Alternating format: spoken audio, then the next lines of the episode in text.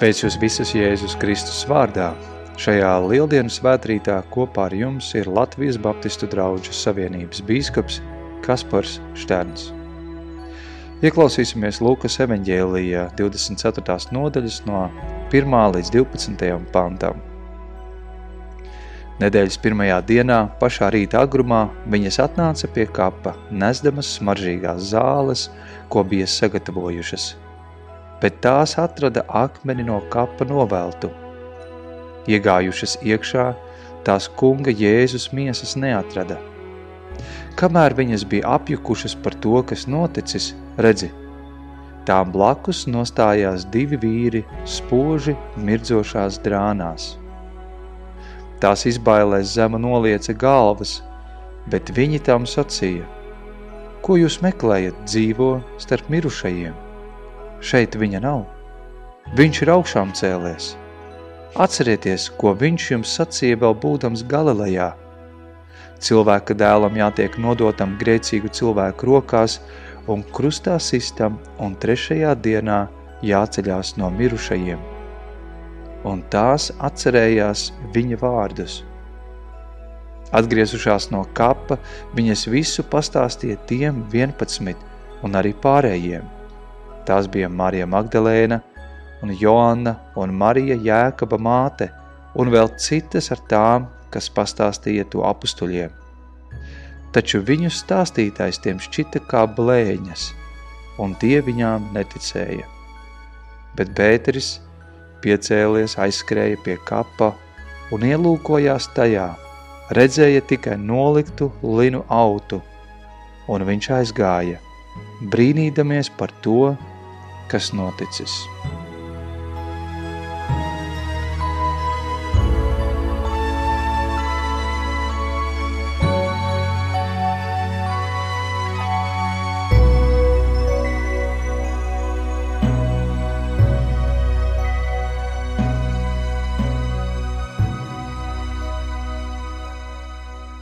Ko jūs meklējat? Šādu jautājumu šie vīri jeb eņģeļi uzdots sievietēm, kuras ir atnākušas pie Jēzus kapa, bet kaps ir tukšs. Jēzus miesas tur vairs nav.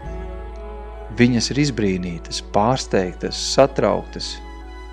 Taču tad eņģelis pavēsta priecīgu un tajā pašā laikā arī ļoti mulsinošu ziņu. Nemeklējiet dzīvo starp mirušajiem. Viņš nav miris, viņš ir augšām cēlies. Ko jūs meklējat? Ja mēs tā padomātu, ko šodien pasauli meklē? Pasauli meklē risinājums, lai tur, kur viss ir apstājies, iestrēdzis vai pat miris, atkal var parādīties dzīvība. Jau vairāk kā gadu šī pasaule meklē šo risinājumu, jo mēs vēlamies, lai atkal savā ziņā atmostas – un parādās dzīvība ielās, skolās, kafēnīcās, sporta zālēs, baznīcās un daudzās citās vietās. Mēs vēlamies atkal satikties ar saviem tuviem mīļiem cilvēkiem. Piemēram, es savus vecākus jau ilgu laiku neesmu saticis. Ir labi būt attālināti, bet mēs taču visi ilgojamies atkal satikties. Tādēļ šodien tiek meklēti visdažādākie risinājumi, Pasaulē ir lielas cerības, un šīs cerības tiek liktas uz valsts vadītājiem, uz ārstiem vai pat uz vakcīnām, jo pasaule meklē risinājumu. Pasaule meklē glābēju.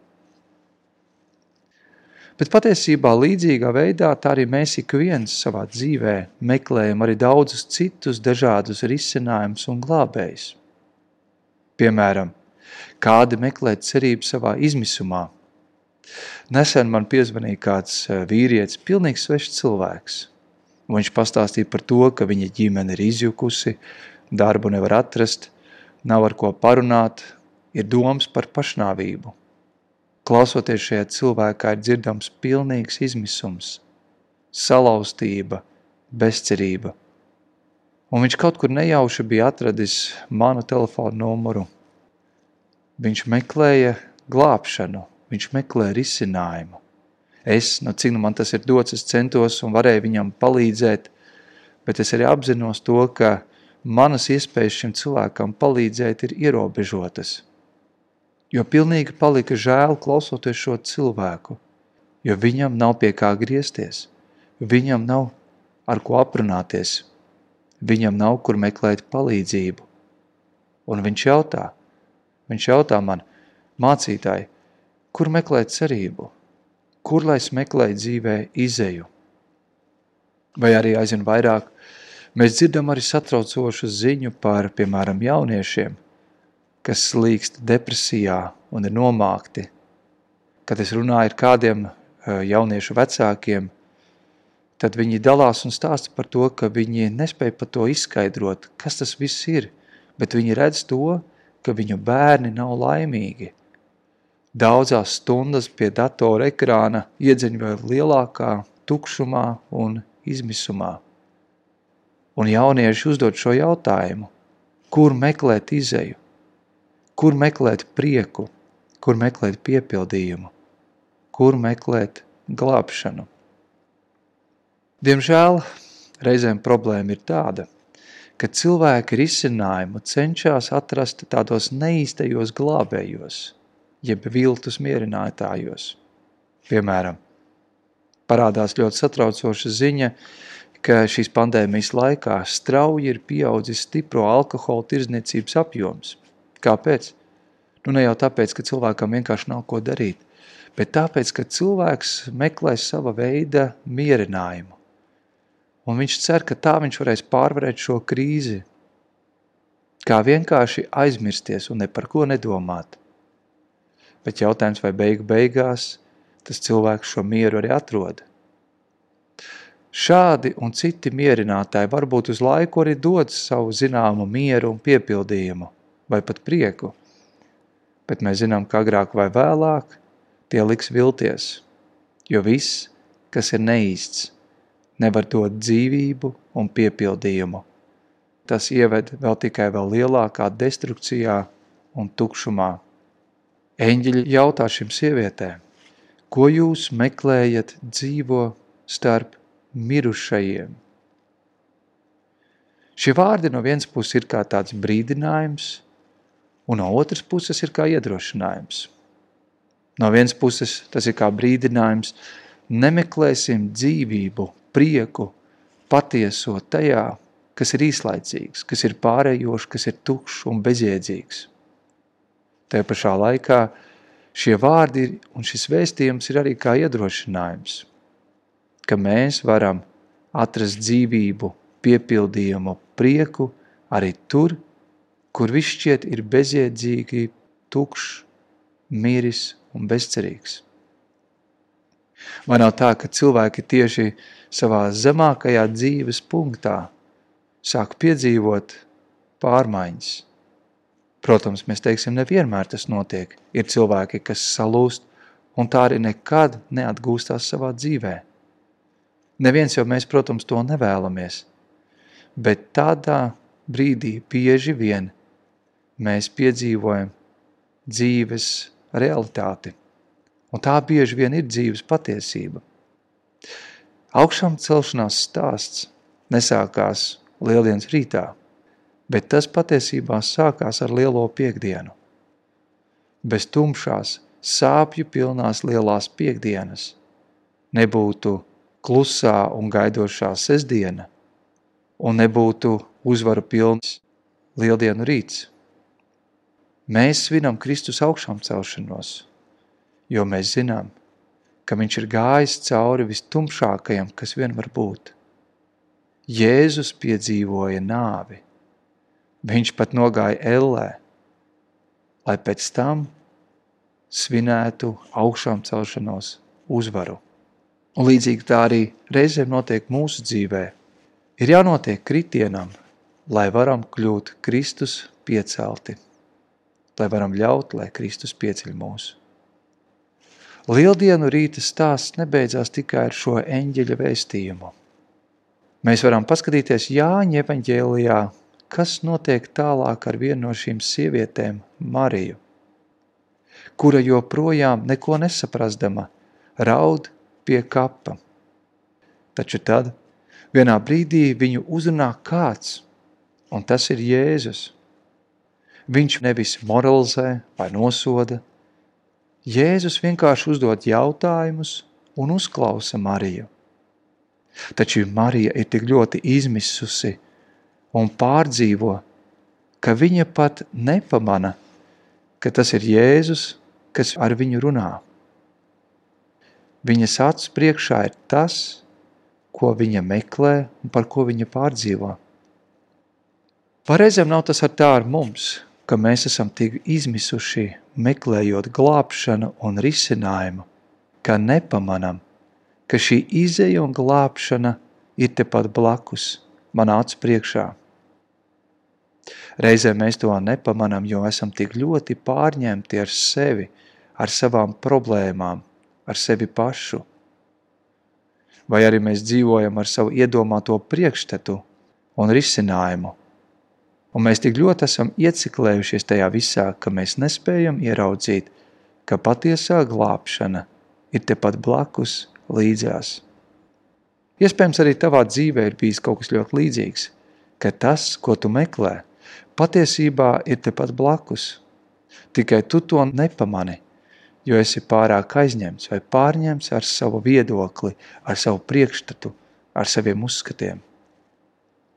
Un tad mēs redzam to, kā Jēzus atklājās Marijai. Viņš viņu uzrunā vārdā – Marija. Ievērosim, nevis Marija nonāk pie secinājuma, ka tas ir Jēzus – bet pats Jēzus ļauj viņai sevi atklāt. Viņš nesāk viņu moralizēt vai viņai pārmest, viņš pat necenšas neko pierādīt, bet uzrunā tik ļoti vienkārši viņas vārdā Marija. Un tad, kad Marija to dzird, tad, kad viņš sadzird, kā Jēzus viņu uzrunā tik personīgi, viņa pagriežās, viņa ieraug un saprot – Tas taču ir Jēzus. Tas ir augšām celtais Kristus. Viņa nemeklē Jēzu un viņai atklājās patiesais, īstais, dzīvais Jēzus. Tieši tā, patiesais dzīvais un īstais glābējs uzrunā mūs ikvienu. Viņš ir glābējs, kurš nevis nāk ar tukšiem solījumiem vai cenšas sevi pierādīt, bet viņš ir kā glābējs, kurš spēj būt tik personīgs, tik pieejams, tik tūs. Mums, mums ir jābūt atvērtiem, ieaicināt viņu savā sirdī un savā dzīvē. Ko jūs meklējat dzīvo starp mirušajiem? Viņš taču nav miris. Viņš ir augšām cēlies.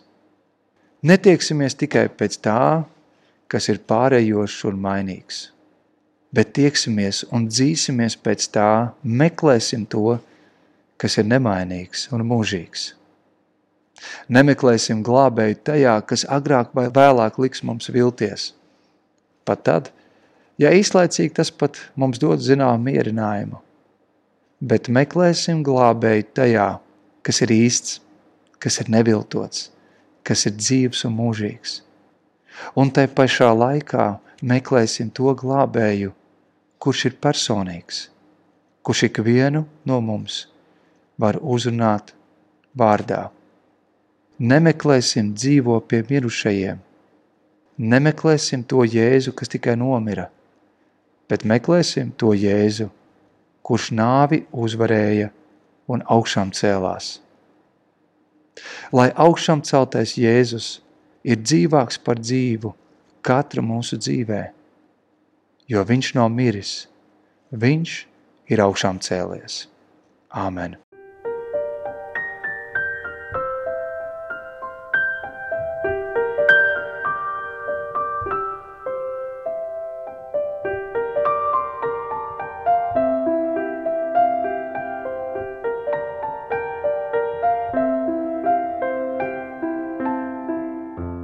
Mūžīgais Dievs, mēs Tev pateicamies par to, ka mēs varam būt šajā lieldienu rītā visi kopā, lai priecātos, lai pateiktos par Tavu klātbūtni, par to, ka Tu neesi miris, ka Kungs Jēzus Kristus ir uzvarējis nāvi un viņš ir augšām cēlies. Dod mums šajā laikā prieku, ka mēs to varam novērtēt un izbaudīt. Šajā rītā es arī lūdzu par ikvienu, kurš jūtās noskumis, bezcerīgs, kurš meklē savā dzīvē glābšanu, cerību risinājumu. Es lūdzu pieskaries un dziedini. Atklājies Jēzu šim cilvēkam viņa tumsā, viņa nespēcībā, viņa nevarēšanā. Mēs Dievs lūdzam, ka tur, kur ir tumsa, var ienākt gaisma. Tur, kur viss ir bezcerīgs, var parādīties tava cerība, tavs prieks, tava atklāsme. Jēzu, paldies, ka augšām celšanās mums dod arī cerību, ka, lai arī šī dzīve kādu dienu noslēgsies, mēs ticam tam, ka mēs kādu dienu būsim mūžībā. Mēs tiksim augšām celti, un mēs būsim mūžībā. Dievs, es lūdzu svētī mūs ikvienu šajā laikā, lai mūsos visos ir patiesas prieks un piepildījums par to, ka Jēzus nav miris, bet viņš ir augšām cēlies. To lūdzu Kristus vārdā. Āmen!